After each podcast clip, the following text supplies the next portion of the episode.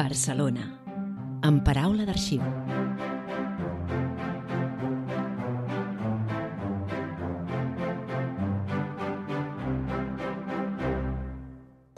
Us donem la benvinguda al podcast de l'Arxiu Municipal de Barcelona. Som en Javier Casanet. I en Pere Andreu Geriot. Xavier, una pregunta. Tu vas en bicicleta per Barcelona? Doncs la veritat és que no, Pere Andreu, però tu sí que hi has anat. D'això jo me'n recordo. Sí, ja fa temps. Agafàvem el bici quan érem joves, però avui parlem d'això, i que sí, de bicicletes. Bicicletes i arxius. Sí, senyor. Avui dediquem aquest capítol del podcast Barcelona en paraula d'arxiu a una documentació molt curiosa de finals del segle XIX sobre les bicicletes a Barcelona. Xavier, parlem en propietat, que si no se'ns enfadaran. Ai, tens raó, Pere Andreu. Avui dediquem aquest capítol del podcast Barcelona en paraula d'arxiu a una documentació molt curiosa i interessant de finals del segle XIX sobre bicicletes a Horta. Barcelona en paraula d'arxiu. El podcast de l'Arxiu Municipal de Barcelona.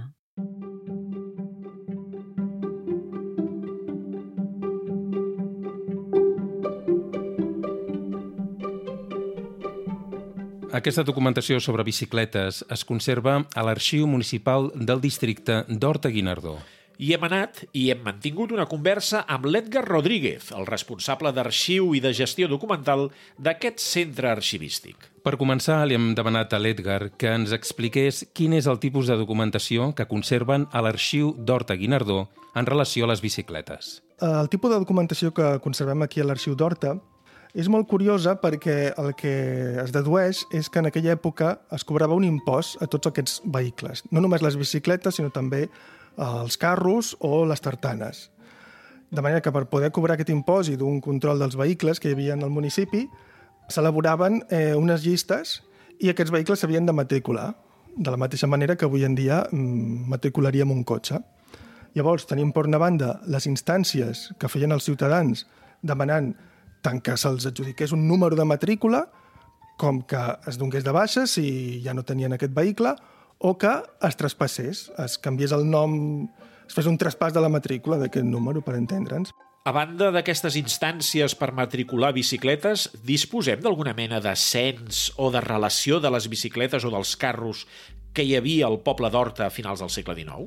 Tenim, per exemple, els llistats de carros que hi havia en el terme municipal de Sant Joan d'Horta, que ens diu relación que se forma para ser entregada al registro municipal para que se proceda al cobro del impuesto anual de las tartanas, carros i bicicletes. La raó de l'existència d'aquests registres que es conserven a l'arxiu era, doncs, recaptatòria i de control. La raó segurament de portar aquest registre era per un cantó control de la circulació, control dels vehicles, de la circulació viària, i per un altre cantó el control de la fiscalitat per poder cobrar aquest impost sobre les tartanes, els carros i les bicicletes.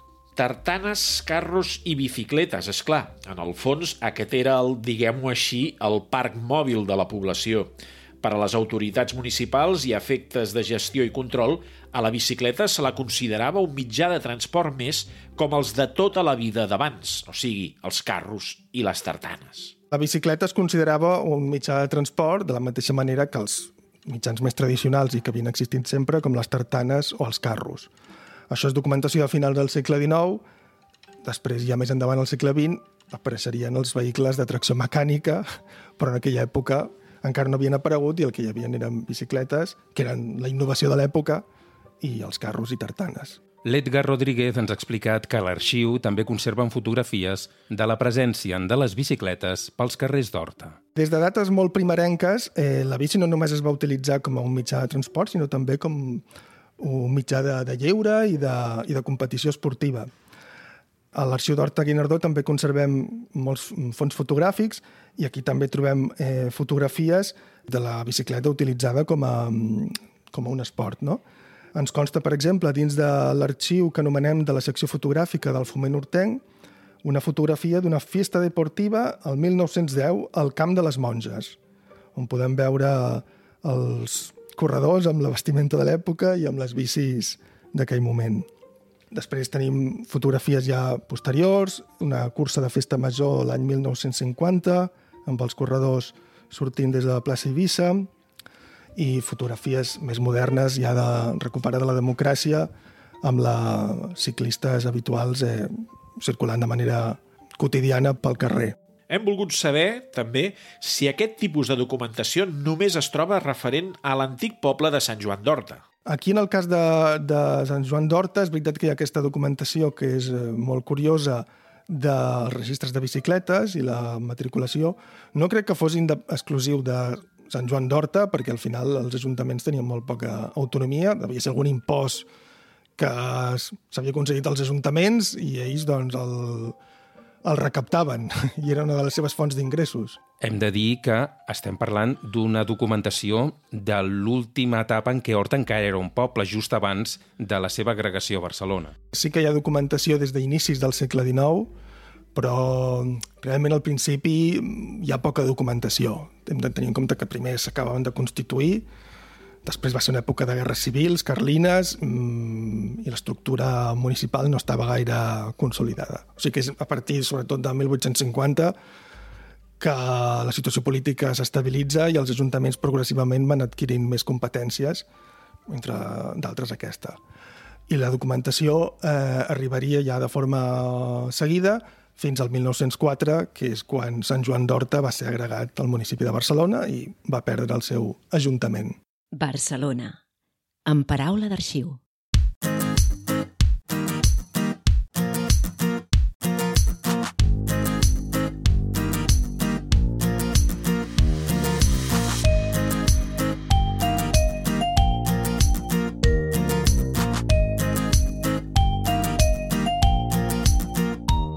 La bicicleta, tal i com la coneixem actualment, és un invent del darrer terç del segle XIX. De seguida es va fer popular a Europa i Barcelona ha tingut des d'aleshores una llarga tradició de presència ciclista en els seus carrers. La història de la relació de la ciutat amb la bicicleta, doncs, ja és força llarga i ha passat per diverses etapes i ha viscut també diverses problemàtiques i conflictes que segurament ens sonaran avui per la seva actualitat. Per parlar-nos d'aquest tema tan interessant, hem comptat amb la col·laboració de l'historiador Santiago Gorostiza, que ja ha participat en altres capítols anteriors. Santiago Gorostiza és investigador postdoctoral al Departament de Geografia de la Universitat Autònoma de Barcelona i investigador afiliat al Centre d'Histoire de Sciences Po a París. Es va llicenciar en Ciències Ambientals i en Història a la Universitat Autònoma de Barcelona, amb premi extraordinari. Va completar els estudis de postgrau a la Universitat Autònoma de Madrid amb una beca de la Fundació La Caixa i va realitzar el doctorat a la Universitat de Coimbra en el marc del projecte europeu ITN Marie Curie en Title, European Network of Political Ecology. Dins de les seves recerques en el camp de la història ambiental, una de les seves línies d'investigació és la història de la mobilitat. El primer que li hem volgut preguntar en Santiago Gorostiza és pels inicis de l'expansió de la bicicleta a Barcelona i els pobles del seu entorn, si va ser un fenomen només local i, més o menys, quan es va produir aquest boom inicial de la bicicleta. L'expansió de l'ús de la bicicleta durant les darreres dècades del segle XIX és un fenomen d'abast internacional. En el cas de Barcelona, l'esdeveniment que marca un abans i un després és l'exposició universal de 1888. Les marques comercials de bicicletes més importants van ser-hi presents i també es van celebrar curses ciclistes. Si bé abans de 1888 ja tenim constància d'algunes carreres i activitats ciclistes a la ciutat, l'exposició marca un punt d'inflexió. Durant la dècada de 1890 s'estableixen diversos clubs ciclistes a Barcelona, es publiquen revistes, es construeixen velòdroms, s'organitzen curses. Aquest boom de la bicicleta arriba ben bé fins al canvi de segle. La bicicleta va ser, en aquells anys, una moda. Hem volgut saber el per què.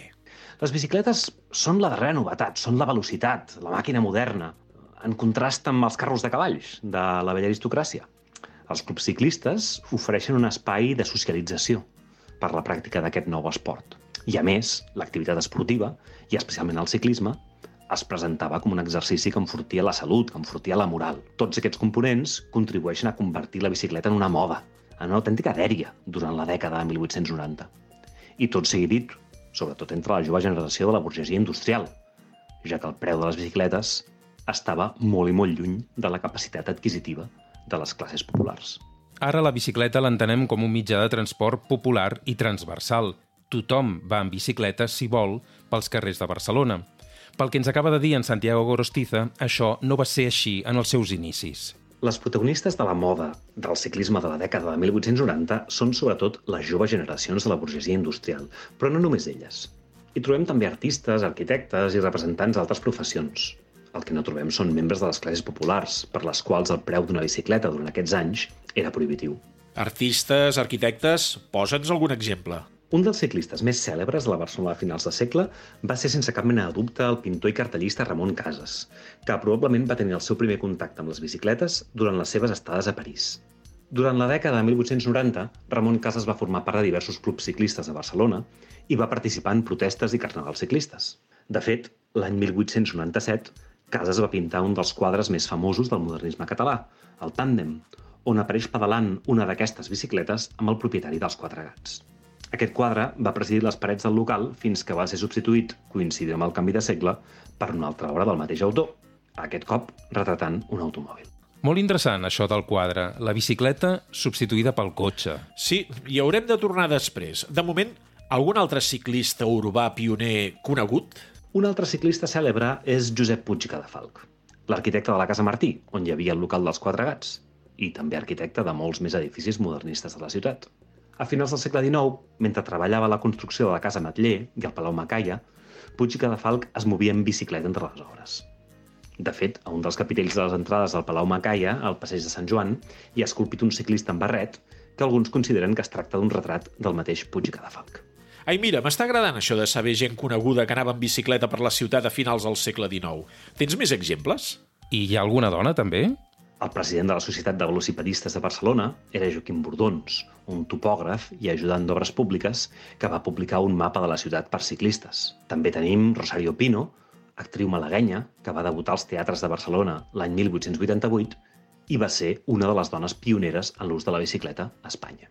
La veritat és que em sembla molt interessant tot això que ens explica en Santiago Gorostiza sobre els inicis de la bicicleta a la nostra ciutat. Crec que encara ens hi podríem extendre una miqueta més.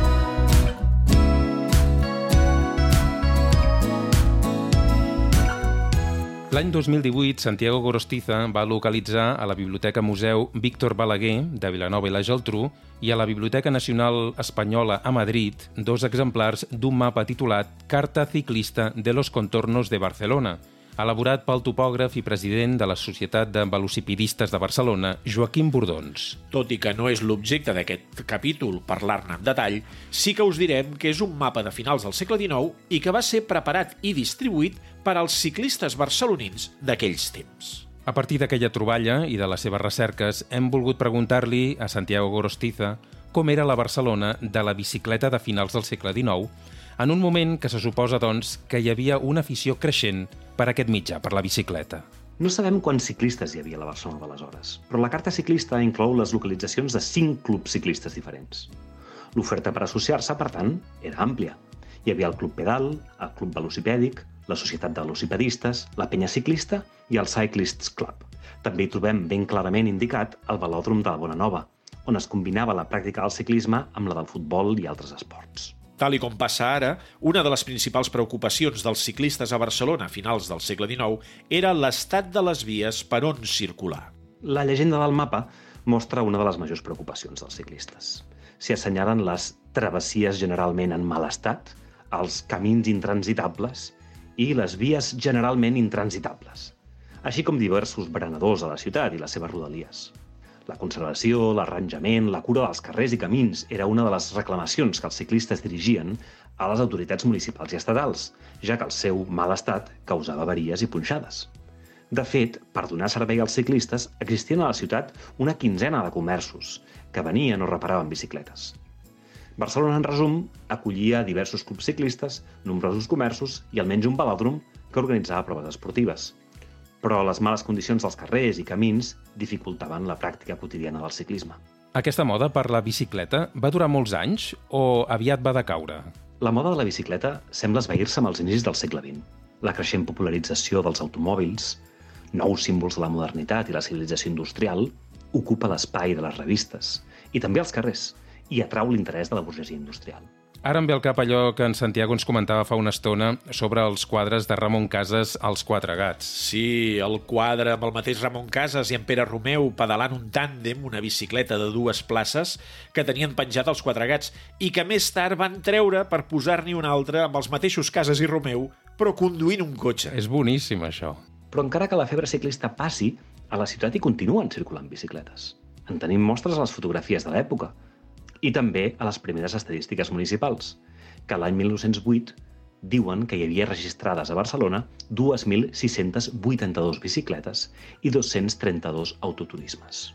El número de ciclistes a la ciutat es manté relativament estable durant els següents anys, però el registre d'automòbils no deixa d'augmentar. L'increment dels cotxes va produir noves demandes i exigències a l'Ajuntament? Van mantenir-se les mateixes dels ciclistes? O els cotxes es van aprofitar del camí obert pels ciclistes a la ciutat pel que fa a les condicions de la circulació? Com els ciclistes, els propietaris d'automòbils i les organitzacions que els agrupen reclamen que els carrers siguin arranjats i cuidats pel trànsit rodat.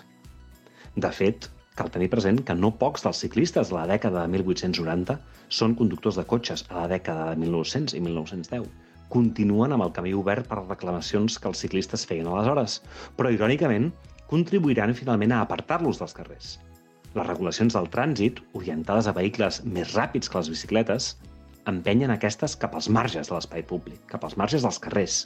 I, a més, l'increment en els taxes de registre limiten les possibilitats del seu ús de les bicicletes entre les classes populars. Per tant, el perfil dels usuaris de la bicicleta va canviar. Pel que fa al perfil dels usuaris de la bicicleta, també canvien. Després de la Primera Guerra Mundial, el preu de les bicicletes resulta relativament més accessible. I si bé les bicicletes registrades gairebé es dupliquen durant la dècada de 1920, en cap moment es pot parlar d'un ús massiu com si es va donar a moltes ciutats alemanyes o altres països europeus. Tornem a la nostra documentació de l'arxiu del districte d'Horta-Guinardó. Per aquesta documentació es veu que hi va haver voluntat i gestió de registre de les bicicletes, com de carros i de tartanes. Podem dir que quan va arribar el cotxe tota la gestió recaptatòria d'una banda i de control d'elements circulatoris de l'altra es va centrar ja en el cotxe i la bicicleta per comparació va quedar apartada de la gestió recaptatòria i controladora municipal? El pagament d'impostos associat al registre de bicicletes va ser un dels cavalls de batalla de les associacions ciclistes des de finals del segle XIX. Els clubs ciclistes reclamaven que l'administració municipal i estatal adequés carrers i camins per la circulació i van protestar quan van considerar que els augments dels impostos doncs, no es corresponien amb actuacions de millora. Un cop aprovat, l'impost sobre les bicicletes es va convertir no només en una font de recaptacions per l'Ajuntament, sinó també en una eina per controlar el seu ús, facilitant-lo o limitant-lo. Uns impostos que, pel que sabem, van generar més d'una protesta de la comunitat ciclista de Barcelona. En el cas de Barcelona, els augments en l'impost sovint van causar les protestes dels ciclistes. L'any 1906, per exemple, els periodistes del Mundo Deportivo van coordinar una campanya per demanar a l'Ajuntament una reducció en l'impost a bicicletes i motos, que culminà amb èxit i que fou celebrada amb una manifestació ciclista. Dècades després, durant els anys 30, l'augment dels arbitris sobre les bicicletes va ser una de les eines utilitzades per limitar el seu ús. Les bicicletes començaven a ser percebudes com un problema pels responsables de gestionar el trànsit de la ciutat, que s'esforçaven en encabir més trànsit motoritzat als carrers. A aquestes alçades, comparativament, la contribució als impostos pagats pels automòbils s'havia multiplicat i les protestes dels ciclistes no van ser escoltades. Barcelona. En paraula d'arxiu.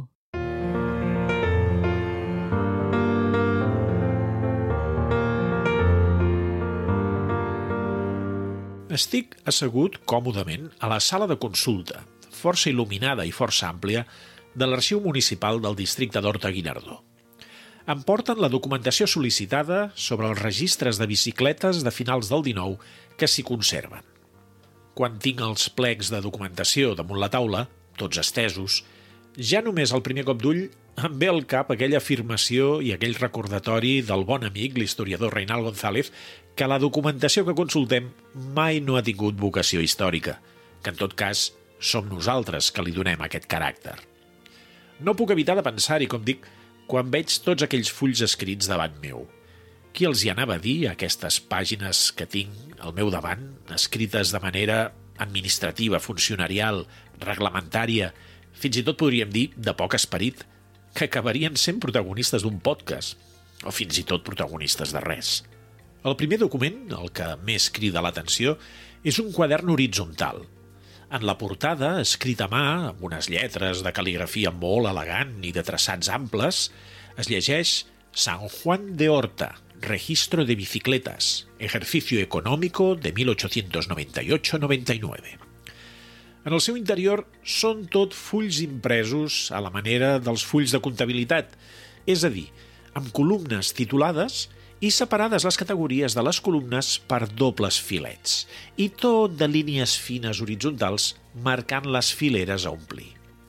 Els noms de les columnes són año, día, mes, número nuevo, nombres y apellidos, pueblo, calle, número, clase de transporte y ancho de ruedas. I a partir d'aquí, 156 registres escrits a mà de ciutadans del poble de Sant Joan d'Horta que tenien bicicleta registrada al municipi. El primer de tots, el de la matrícula de bicicleta número 1, amb data de 29 de juliol de 1898, un senyor que es deia Ginés Jornet, que vivia al carrer Brif número 7 i que pagava 3 pessetes i mitja. El darrer, el número 156, l'Antoni Guiu, inscrit el 3 d'agost de 1902. Em pregunto si es podria fer un seguiment dels carrers que surten en aquest quadernet, veure on estan situats i si això podia tenir alguna significança respecte al perfil dels ciclistes a Horta a cavall del 19 i del 20. La resta de la documentació es reparteix entre uns llistats d'amorosos, de propietaris de bicicletes, carros i dardanes que no pagaven l'impost, diguem-ne en termes actuals, de circulació, i grups de eh, sol·licituds de ciutadans que demanaven l'alta administrativa municipal dels seus mitjans de transport o tramitar-ne les baixes. Agafo una d'un ciclista, paper habitual de barba, és a dir, amb les vores sense tallar, amb aquell blanc pàl·lid d'os i amb aquell gruix tan característic. En la part superior del full, el timbre de l'Estado, rodó, com si fos una moneda, amb l'escut de l'Estat i l'any, en aquest cas 1902, i al centre el segell ja imprès d'una passeta, rectangular, amb les dues matrones representant la prosperitat i la justícia, esquerra i dreta d'un altre escut. I la resta del full escrit a mà, amb cal·ligrafia força angulosa, lleugerament inclinada cap endavant, cap a la dreta. Quan m'hi fixo, m'adono que és la sol·licitud del darrer nom del quadernet, el número 156, la sol·licitud de l'Antoni Guiu. Magnífico señor. Don Antonio Guiu Sugrañes, vecino de Barcelona, domiciliado en la calle de Guardiola de este pueblo número 32, ante vuestra señoría acude y respetuosamente expone que poseyendo una bicicleta y deseando inscribirla en el registro de ese ayuntamiento, por todo lo cual espero y suplico que previo pago de derechos me sea entregada la placa correspondiente. Dios guarde a vuestra señoría muchos años, Horta, 7 de agosto de 1902, Antonio Guiu. Quan he sortit al carrer i he anat tranquil·lament caminant cap al metro, gaudint del solet que no he pogut deixar de mirar-me les bicicletes i els patinets que han passat pel meu costat d'una altra manera. Ni millor, ni pitjor. Diferent.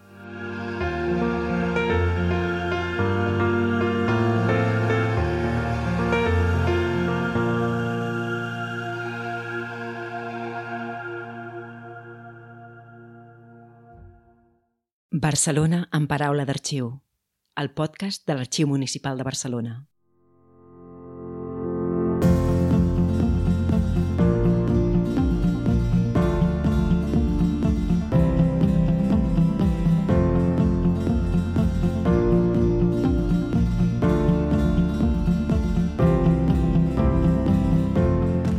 Com ja us hem dit, aquesta documentació protagonista avui del podcast es conserva a l'Arxiu Municipal del districte d'Horta Guinardó. Aquest arxiu ocupa les instal·lacions del que havia estat l'antiga caserna de Girona o del Príncep de Girona, un edifici militar que es va construir a principis del segle XX i que va tenir usos militars fins als anys 80 aproximadament. Actualment és propietat de l'Ajuntament i està destinat a equipaments municipals, i entre ells l'arxiu. També una bona part del complex va ser enderrocat i en el seu lloc ara hi ha els Jardins del Baix Guinardó. És la primera vegada en aquest podcast que visitem i tractem la documentació de l'arxiu d'Horta Guinardó. Així que li hem demanat al seu responsable, a l'Edgar Rodríguez, que ens expliqui algunes coses sobre aquest centre d'arxiu. En primer lloc, quan es va crear? L'arxiu d'Horta Guinardó es va crear al mateix temps que els altres arxius eh, de districte a finals dels anys 80. En aquell moment, eh, en el marc de la recuperació de la democràcia, es va fer un pla de reforma dels arxius municipals i lligat a la creació dels districtes i amb la mateixa voluntat d'acostar l'administració al ciutadà, es va considerar convenient crear també eh, uns arxius vinculats a cada districte. Llavors, els fons inicials d'aquests arxius de districte van ser, per una banda, el fons de l'antic municipi, agregat, en el cas que existís, com era el cas d'Horta Guinardó, i, d'altra banda, la documentació que a partir d'aquell moment anés generant les oficines del districte. També hem volgut saber per què es diu així, Horta Guinardó, i no és l'arxiu d'Horta Sol, per exemple. Bé, això està relacionat amb el procés de reforma dels districtes municipals que es va fer el 1984, després de la recuperació de la democràcia. En la mesura del possible es va intentar que aquests districtes respectessin les fronteres dels antics municipis, però en alguns casos per gestió o facilitat eh, administrativa o política en alguns casos no va ser del tot així. Per exemple, en el cas d'Horta, en aquest districte es va integrar també el Guinardó, que històricament havia format part del municipi de Sant Martí de Provençals. Històricament no havia tingut cap vinculació amb Horta, però eh, qüestions polítiques o administratives van fer que s'ajuntessin en aquest moment, el 1984, i el districte amb aquestes fronteres arriba fins als nostres dies. Quina és la principal documentació que conserva l'Arxiu Municipal del districte d'Horta Guinardó? El punt fort principal és el fons de l'antic municipi de Sant Joan d'Horta. Després tenim els fons contemporanis de l'Ajuntament de Barcelona, del districte d'Horta Guinardó, concretament, a partir de finals dels anys 80, que és l'època que es creen els arxius de districte, fins gairebé als nostres dies. D'altra banda, tenim les donacions que han fet particulars o, o entitats a l'arxiu que es conservin i que estiguin a disposició de, de la ciutadania. Entre aquests podríem parlar del fons eh, la col·lecció de Zideri Díaz, Felip Capdevila, Enric Vila o la secció fotogràfica del Foment Hortenc. L'Edgar Rodríguez ens ha destacat aquest fons de la secció fotogràfica del Foment Hortenc. El Foment Hortenc és una entitat molt arrelada a Horta, i als anys 50, amb l'ajuda de la Caixa d'Estalvis i Pensions, va constituir la seva pròpia secció fotogràfica. Els seus socis, a través d'aquesta secció, van documentar moltes escenes de la vida quotidiana d'Horta d'aquella època i dels carrers, els edificis, els monuments, i ho van dipositar a la biblioteca. Anys després, quan la Caixa es va desprendre d'aquestes biblioteques, aquest fons ens va arribar a nosaltres. I és un fons a nivell fotogràfic molt interessant perquè permet veure com era l'horta de mitjans del segle XX. Tornem a la documentació més antiga de l'arxiu. Aquí conservem la documentació de l'antic Ajuntament de Sant Joan d'Horta, que abasta des del 1766 a 1904, data en què va ser agregat al municipi de Barcelona. Estem parlant, per tant, del fons de l'antic municipi d'Horta, un fons municipal, com el de qualsevol poble, amb la seva diversitat documental. El fons de l'antic municipi d'Horta reflecteix quines eren les funcions i les competències que feien els municipis o els ajuntaments en aquella època. La documentació més consultada és tota la relacionada amb la disciplina o amb la gestió urbanística, és a dir, les llicències d'obres, que encara són d'utilitat per molts ciutadans quan volen fer algun tipus d'obra al seu domicili o per qualsevol altra qüestió. Però després també trobaríem temes mm, eh, fiscals, eh, tributaris, d'organització de, de les eleccions. Aquí, per exemple, es veurien els, els, els registres de votants, el cens electoral, que podríem veure que el sufragi universal estava, era un tema que quedava encara molt lluny. Evidentment, només votaven els homes i no tots. Després també trobaríem una altra documentació molt interessant relacionada amb el reclutament, per l'exèrcit. En un arxiu de districte, com aquest d'Horta Guinardó, quin tipus de consultes rebeu? La majoria d'usuaris que tenim consulten documentació com poden ser les llicències d'obres o les llicències d'activitats i estan relacionades amb motius professionals o econòmics d'algú que vol fer obres, eh, una gestió immobiliària o obrir un negoci i necessita consultar les llicències respectives que conserva l'arxiu del districte. En menor mesura, tenim els usuaris amb motivacions culturals, que estan fent recerca sobre temes diversos, però fonamentalment relacionats amb el territori d'Horta Guinardó i que poden consultar, com ja hem dit, fons diversos com el fons de l'antic municipi o les diferents donacions que tenim a, a l'arxiu. Un altre grup d'usuaris, també de motivació més cultural, són les persones que estan interessades en el seu arbre genealògic i que consulten documentació com poden ser els censos electorals, els padrons o els registres de quintes. Els censos, els padrons, els registres de quintes, la documentació preferida dels genealogistes, sempre presents a tots els arxius. Aquesta informació avui en dia és molt consultada perquè permet, eh, és molt útil pels estudis genealògics. Gent que està interessada en reconstruir el seu arbre eh, genealògic i mitjançant aquesta documentació de registros, de censos electorals, registres de crida files, de quintes, o també els padrons, que és una altra documentació molt interessant que conservem dels antics municipis, poden trobar els seus avantpassats i anar reconstruint aquest arbre genealògic. En els padrons podríem trobar organitzats per domicili totes les persones que vivien a Horta en un determinat moment. Hem volgut saber si tots els arxius de districte conserven el mateix volum de documentació dels antics municipis. Varia molt segons el municipi i quina hagi estat la seva història i la seva evolució. Per exemple, municipis que eren molt, en aquella època molt rurals i amb poca població, com podien ser les Corts, que tenia un nucli urbà molt petit i fonamentalment eren cases de conreu, masies, o en menor mesura la mateixa Horta, que també tenia un, el nucli urbà era relativament reduït era sobretot cases de conreu, aquí la documentació, lògicament, és d'un volum menor. En canvi, els pobles del Pla que al segle XIX ja havien assolit un nivell d'industrialització força important, com són Gràcia, Sant Andreu o Sant Martí, la documentació a priori és més abundant, que és el cas de, per exemple, Gràcia, sempre i quan no hagin passat altres circumstàncies històriques, com a Sant Andreu, on hi va haver-hi alguns incendis del municipi relacionats amb disturbis de l'època o conflictes, i llavors el nivell de documentació que ens ha arribat als nostres dies és molt, molt petit. Finalment, i com sempre, li hem preguntat a l'Edgar Rodríguez per què es va fer arxiver. La professió d'arxiver acostuma a ser una professió de vocació tardana. Jo no acostumo, no he vist gaires nens o nenes que de petits diguin que volen ser arxivers o arxiveres. Però sí que es va adquirint amb els anys. És el meu cas i els de molts altres va començar estudiant la carrera d'Història, i un cop la vaig acabar i doncs vaig veure cap on em volia orientar professionalment, vaig, entre cometes, descobrir el món dels arxius i em va semblar que era una manera de seguir vinculat al patrimoni documental, a la història i al patrimoni cultural d'una manera eh, professional.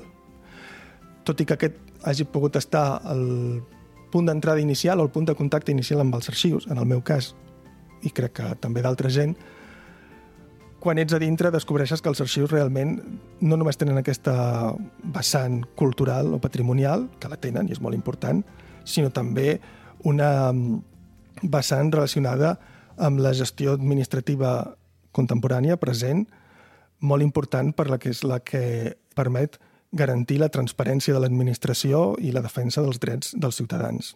Barcelona. En paraula d'arxiu.